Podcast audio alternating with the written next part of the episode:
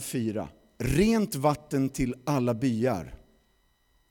Myggnät till alla barn. Trygga förlossningar innan, under och efter förlossningen. Och nummer ett på Bruce Wydicks svar är fadderskap en till en. Så på fullaste allvar, ge hur mycket du vill, hur, så mycket du kan till Ukraina, till Syrien, till Turkiet. Hör mig, ge så mycket du bara kan. Men sen skulle jag vilja uppmuntra dig till att tänka långsiktigt. Hur utrotar vi fattigdomen i världen? Och frågar du compassion så svarar vi, den utrotas i Jesu namn. Det är det viktigaste för oss. Det är så viktigt för oss att vår organisation, lyssna nu då, vi blev utslängda ur Indien på grund av Jesus. Jag vet inte hur många tusentals fadderbarn vi hade där. Men den hinduiska regimen sa, nu räcker det med Jesus och er. Hej då. Så vad vi gör är att vi jobbar i de 27 fattigaste länderna förutom Indien. De 27 fattigaste länderna och det står länder på väg in och frågar kan ni komma och hjälpa oss?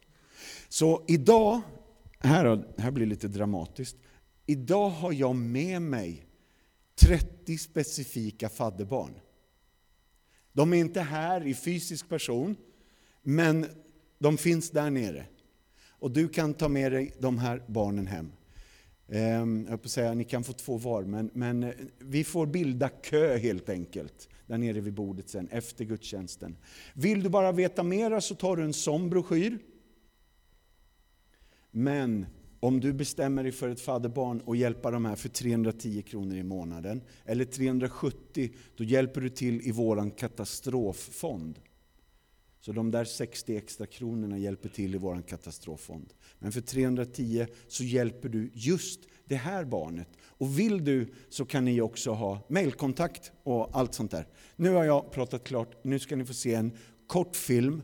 Och jag vill varna känsliga tittare. Det är inte så att ni ska få se någonting, men den här filmen handlar om vårt motarbete i Afrika. Där vi å det tydligaste kliver in och säger nej till kvinnlig könsstympning. Och det här är en av våra vänner som jobbar på ett av våra centran där nere. Ja, jag vill prata om är lite teologi om tillbedjan. Eller underrubriken skulle kunna vara Den bibliska befallningen att sjunga. Visste du att det faktiskt är en befallning? Bara för att ge dig en liten referens. Ett ämne som vi tycker känns ganska angeläget är en plats som kallas för helvetet. Tar vi alla texter som handlar om det, 70 stycken. Ganska många ändå.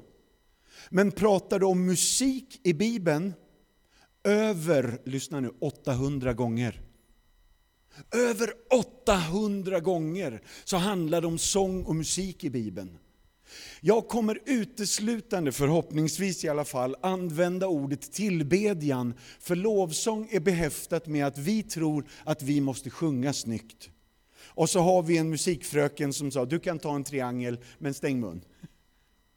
Och så har vi med oss en känsla av att Nej, men jag är inte så bra på att sjunga, eller jag, är inte så, jag har lite artros, så jag kan inte lyfta händerna. Och så har vi en känsla av att jag är inte riktigt med i lovsången. Sådär. Men det handlar om tillbedjan, ett liv i tillbedjan.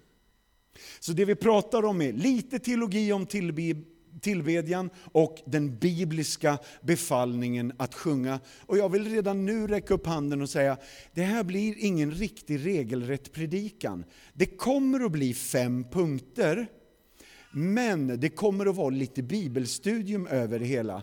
Eh, kan vi ha liksom församlingsbeslut på att det är okej? Okay? Är det okej? Okay?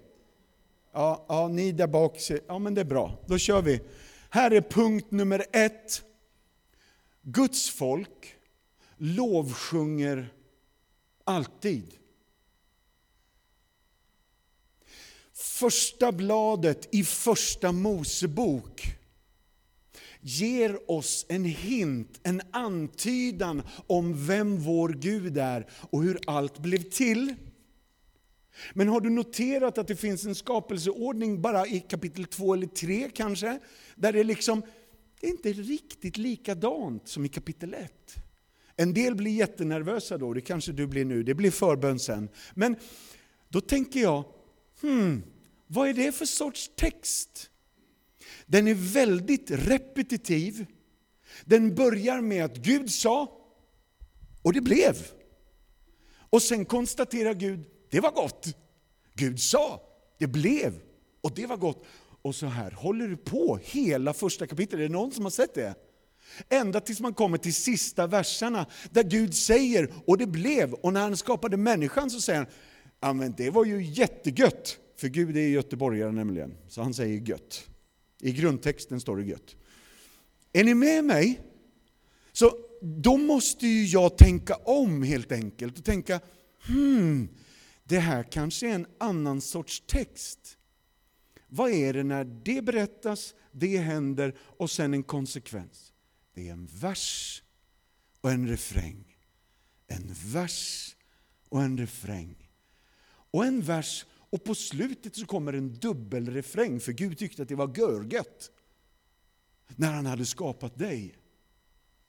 Så inte bara Guds folk sjunger alltid, utan Israels Gud är en sjungande Gud. Därför är vi per definition ett sjungande folk. Så när vi säger att Guds folk lovsjunger alltid, så finns det en liten sån här, ja, kanske inte när de hade det tufft. Oh, Genom alla de tider har Israels folk varit ett sjungande folk, ett tillbedjande folk. Och genom sina svårigheter, och nu höll jag på att säga, har de, de har sjungit sig igenom sina svårigheter. Kommer du ihåg själva upprinnelsen till varför Negro Spirituals föddes överhuvudtaget? Tror vi att vi kan stänga av det plinget? Det vore toppen. Så vi är, Israels folk är, mänskligheten är ett tillbedjande folk. Och bara för att dra det här så långt jag kan, så bläddrar vi igen så ska ni få se en grottmålning. Och jag vet, jag sa ju att det blir lite bibelstudium nu, för nu blir det nördigt några sekunder här. Det här är en av de första grottmålningarna på hela jorden. Så det här är innan det fanns skrivmöjligheter och skrivförmåga, men människan ville ändå kladda på väggarna. Det var redan då graffiti som gällde. Jag vet inte om det säger någonting om dagens ungdom, men jag bara gillar den här grejen. Att de första människorna ville berätta oss någonting. De ville säga oss någonting. Vi vet inte hur de sjöng eller vad de sjöng, men här ser vi att de på något sätt ville ge sitt tack till någon. Kommer ni ihåg den här när och fjärran, vad heter det, när man är reporter heter det, som åkte upp till Kebnekaise, eller åkte, gick upp för Kebnekaise, med en vad heter det, fotograf. Och så väl uppe på toppen så sätter fotografen igång och filma och till slut landar kameran på journalisten som bara säger Wow! Nu skulle man haft någon att tacka. Rakt in i kameran. Det här är samma grundsyn att på något sätt vill några av oss säga tack till någon för det vi har lyckats fälla här. Nu då bläddrar vi igen. Får ni se en bild som kallas homo adorare, att människan är till för tillbedjan, människan är ytterst till för Gud. Och lyssna nu, det här är den första församlingen i katakomberna, i källaren i Rom. Det här är vad de vill att du ska veta. Ett, här firar vi nattvard med världens största nattvardsbröd. Det är ju uppenbart. Men två, här lyfter vi våra händer i tillbedjan.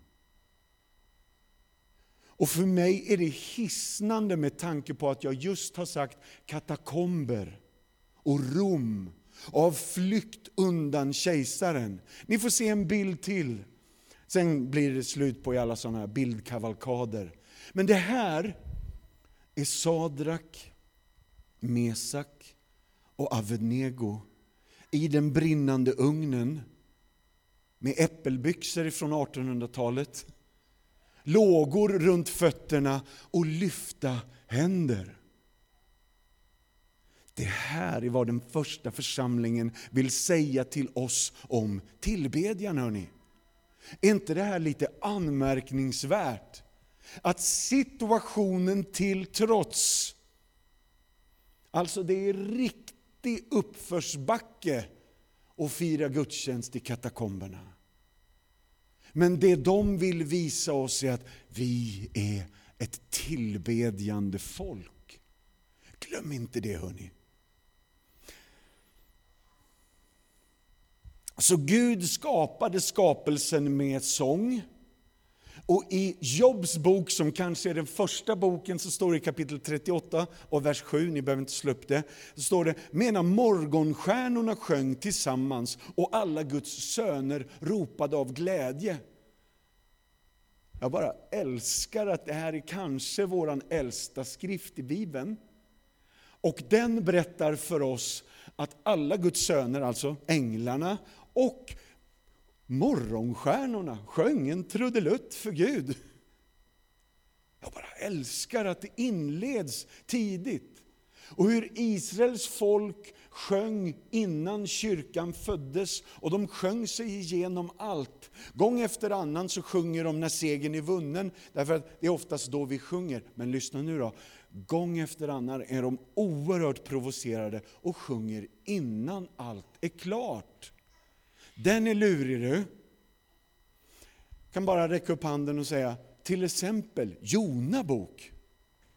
Alltså han blir ju slukad av en fisk och man tänker, när man blir utspottad ur fisken och står på land och tvättar av sig all gegga, då skulle jag sjungit. Men Jona sjunger redan i kapitel 2, i fiskens buk.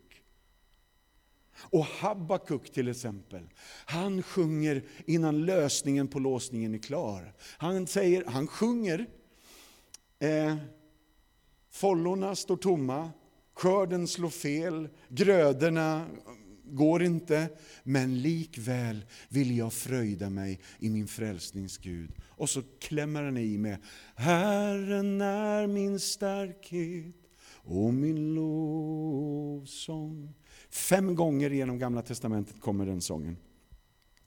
Och sen kyrkan, när den kommer i jag säga, evangelierna, så är den ett synnerligen sjungande folk.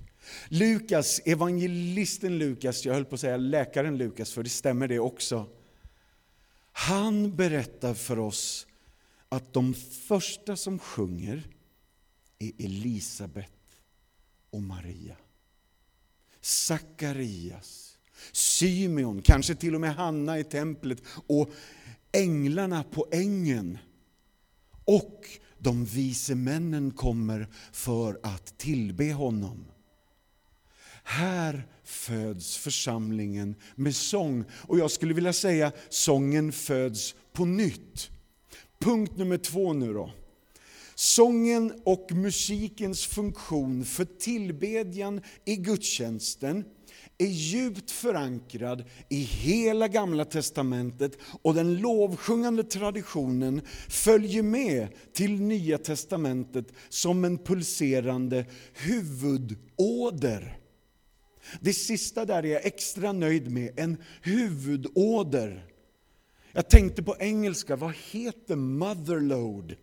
För det var det jag letade efter när jag ville säga, det är helt avgörande för oss att vi är ett sjungande folk. För om vi inte sjunger så kommer Karl Barth att säga, då är vi inte Guds folk. Men det kommer, vi tar det snart. Vi tar en sak i taget. Vi kan bläddra får ni se. Ja, här har vi Karl Barth. Hur ja. 1886, tur att han inte lever längre. 19, nej, 1968, jag skojar bara. Men han säger ganska dramatiska saker, det är därför jag busar med honom. Den kristna kyrkan sjunger. Den är inte ett körsällskap. Dess sång är ingen konsert. Men av inre materiell nödvändighet sjunger den. Sång är den högsta formen av mänskligt uttryck. Vad vi kan och måste säga med en ganska stor säkerhet är att den kyrka som inte sjunger inte är någon kyrka. Och vi bläddrar igen, det kommer mer tyvärr. Och där den inte riktigt sjunger, utan suckar och mumlar krampaktigt, skamfylld med en billig nåd, så kan den i bästa fall bara vara ett, en orolig gemenskap som inte är säker på sitt syfte och vars tjänst och vittnesbörd det inte kan finnas några stora förväntningar på. Så lovprisningen till Gud finner sin konkreta kulmen i den sjungande gemenskapen och är ett av de oumbärliga uttrycken för kyrkans tjänst. Slut på citat Karl Barth alltså. Det är alltså inte han som har gjort snobben. Han heter väl också Karl Barth, men det är två olika killar kan jag säga. Lyssna nu då. Tillbedjan och rättvisa, vi kan bläddra igen ja, var helt avgörande för psalmisterna. Psalm 9 och vers 9 och 12 och 13. Han ska döma världen med rättfärdighet och hålla dom bland folken med rättvisa. Lovsjung Herren som bor i Sion, förkunna hans gärningar bland folken. För han som straffar blodsdåd kommer ihåg dem. Han glömmer inte det svagas rop. Så tillbedjan och rättvisa var två händer som på något sätt slöt sig kring lovsångsledarens tjänst. Att vi sjunger inte bara, utan här sträcker vi våra händer till Gud, till den fattige, till den hemlöse, till flyktingen, till änkan och den faderlöse. Ärligt talat, den här versen och nästa vers är anledningen till att jag jobbar med Compassion. Därför att det är så förknippat med centrum för vår tro, att vi inte bara existerar för oss själva, utan för andra och varandra. Om vi bläddrar igen. Lovsång och rättfärdighet var helt avgörande för profeterna. Amos, en riktigt arg fåraherde från landet. Riktigt arg kille. I kapitel 5 säger han så här, 23-24. Ta bort dina sångers buller från mig, jag vill inte höra ditt stränga spel. Men, råt, men låt rätten flöda fram som vatten och rättfärdigheten som en ständigt rinnande ström. Har du hört ett stränga spel bullra någon gång? Det går ju inte. Han är helt tokig om oss. Vet du vad grundtextordet för strängaspel är? Det är lyra eller harpa. Ett av de mest skönsjungande instrument som finns. Så bara, vad menar han då? Ja, vi ska sluta sjunga. Nu håller vi i käften för nu är Amos arg. Ingen mer sång till Gud om den inte är på riktigt. Och då undrar jag, är det det Amos är ute efter? Det verkar ligga något långt djupare. Där sången inte överensstämmer med livet och livsstilen. Där sången på något sätt är ett glapp. Där tillbedjan sker i gudstjänsten men inte i vardagen. Där är Amos ute efter. Och vi tar en bibeltext till från Jesaja 42. Herrens tjänare i rubriken. Se min tjänare som jag stöder, min utvalde som min själ gläder sig över. Jag har sänt min ande över honom och han ska utbreda rätten bland hedna folken. Han ska inte skria eller ropa, inte låta sin röst höras på gatorna. Ett brutet strå ska han inte krossa, en tynande veke ska han inte släcka. Han ska i trofasthet utbreda rätten. Han ska inte försvagas eller brytas ner förrän han har grundat rätten på jorden. Havsländerna väntar på hans undervisning. Och då är min fråga, okej, okay, jättebra, Jesus ska komma, vad ska vi göra åt det? En ny sång. Sjung en ny sång till Herren. Sjung hans lov från jordens ände. Ni som reser på havet och alla som finns i det. Ni havsländer med era invånare. Det är märkligt att Jesu rättfärdighet, Jesu tjänst mot den fattige, den svage, den hemlöse, flyktingen och änkan ska mynna ut i att kyrkan faktiskt är ett lovsjungande folk som sträcker sina händer till Gud och sträcker sina händer till alla dessa som vi nämner. Både och. En god växelverkan. Vi tar punkt nummer tre.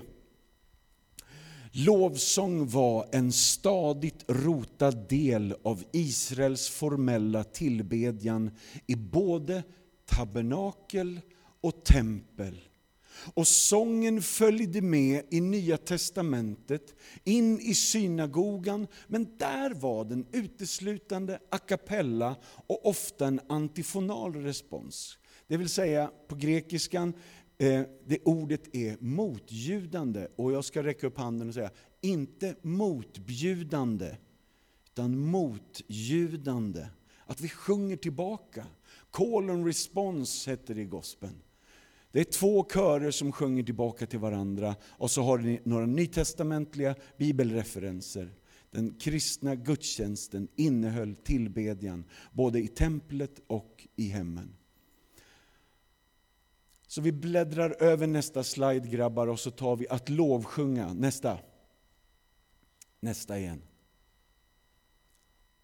Att lovsjunga är inte ett sätt att imponera på eller blidka Gud eller på annat sätt förtjäna hans gunst genom att smöra lite för honom. Att lovsjunga, det är kyrkans enda korrekta gensvar på vem Gud är.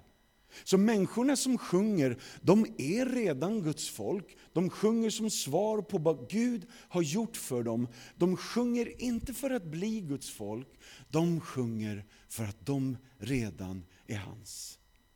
Så var det i Gamla Testamentet och så är det i Nya Testamentet. Så punkt nummer fyra, den är väldigt kortfattad, vi tar den snabbt bara. Saltaren är facit. Och Saltaren bär ett rikt vittnesbörd om att alla de troende i glädje och i sorg, i lovprisning och i klagan höjer sina röster i lovsång till Gud. För några år sedan så var jag med och hjälpte till i en församlingsplantering nere i Marbella i Spanien. Pastorsparet heter Kurt och Melanie. Och samma dag som de fick nyckeln till kyrklokalen så fick de reda på att deras äldsta son Kyle hade blodcancer. Han var 12 år gammal. Så vi åkte ner, jag minns första påsken då vi åkte ner och vi tog hand om allt. Så att Kurt och Melanie kunde vara hos Kyle på sjukhuset. Eh, och vi tog hand om församlingen, vi ledde lovsång, vi predikade, vi hade ett stort band, mycket drag. Och vi låg liksom nere på Strandgatan kan man väl säga.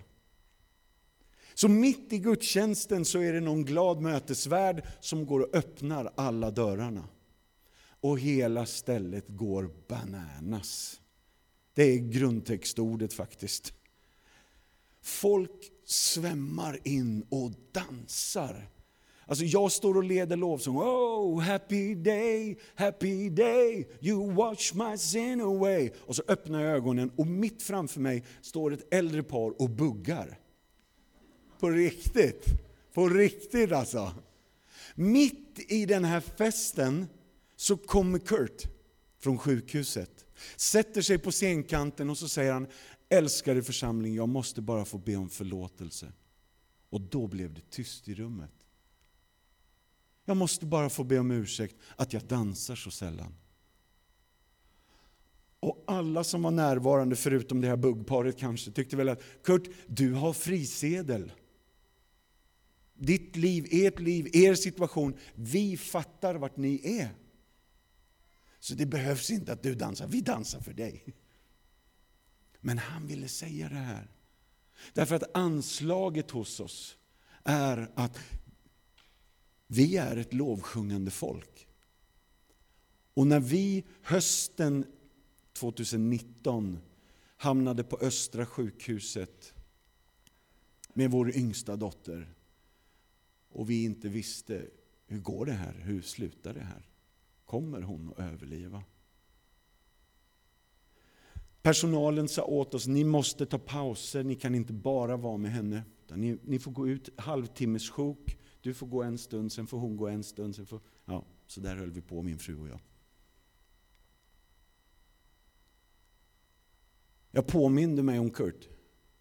Och så satte jag på min iPad och lät folk, lät kyrkan sjunga sin sång över mig. För jag pallade inte att sjunga själv. Är ni med? Så att jag behöver er, vi behöver varandra. Vi behöver sjunga rakt in i, i själen på varann. Som David gör när han är ensam, så säger han, eh, varför är du så bedrövad min själ? Upp, lovsjung Gud. Det är inte att David är schizofren, det är att han vet att det händer någonting när vi tillber. Vi är ett tillbedjande folk. Punkt nummer fem. Lovsången utövades av Jesus och hans lärjungar i med och i motgång och bör därmed utövas av oss också i medgång och motgång.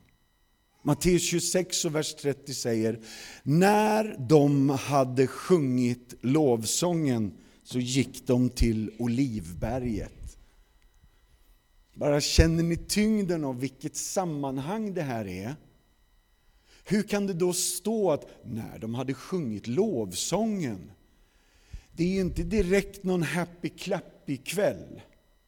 Alltså Judas har lämnat dem och det står i Johannes 19 att det var natt.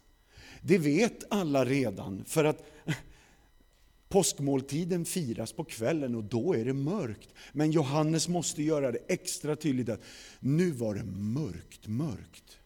Och Jesus sjöng ändå. Och då undrar jag, vad sjöng han ändå? Härom tvistar de lärde. Det vi vet är att han sjöng psalm 113 till 118 och nu räcker jag upp handen och säger utan till. Hallå eller? Är det någon som är 113 till 118 utan till? Men här då? Några teologer säger till och med att det kan vara psalm 112 till 126. Alltså alla pilgrimssalmerna också. Jag ska räcka upp handen igen och bara, hallå eller utan till. Psalm 119, hur lång är den? Det är inte möjligt. Eh, tänker jag. Jesus och lärjungarna kunde det här by heart, utan till.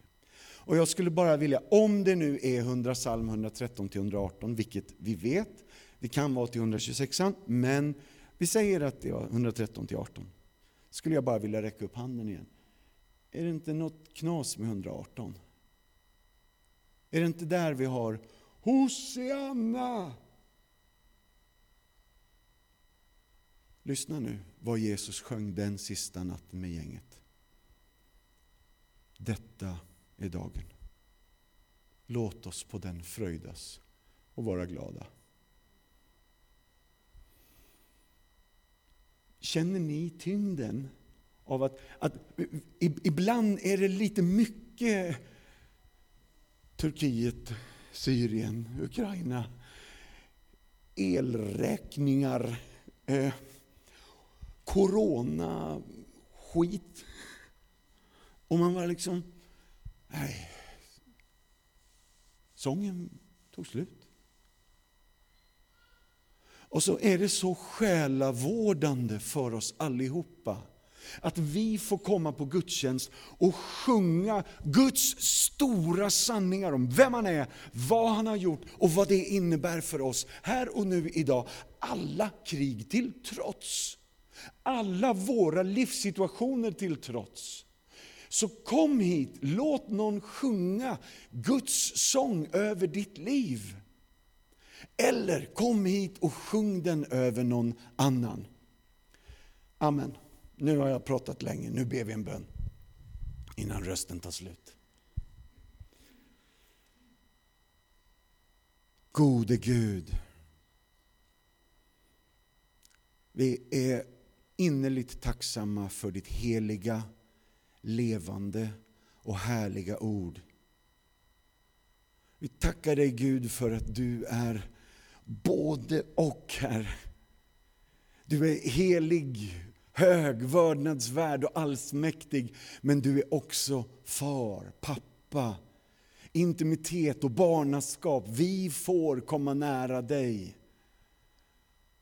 Och Herre, du vet vet hur det är ställt med vår sång. Nu ber vi väldigt lite frimodigt och väldigt konkret. Ställ oss i den stora kören med Karl Bart och alla lirarna. Där vi igenom allt är ett sjungande folk. Med Paulus och Silas och Habakuk och Jona och vad hette de killarna i ugnen? Sadrak, Mesak och Avenego. Jesus. Hör vår bön, förvandla våra liv och förnya våra liv. För det är många utav oss som liksom, vi har damm från corona som hänger kvar över våra axlar. Och nu ber vi i kraft av nåden och i Jesu namn, lös oss från det där. Befria oss. Vi tackar dig Herre för att du är god och stor, helig och vördnadsvärd och allsmäktig. Men du är också far och har kommit oss nära och föder sång i våra liv. Vi ber så i Jesu namn nu. Amen.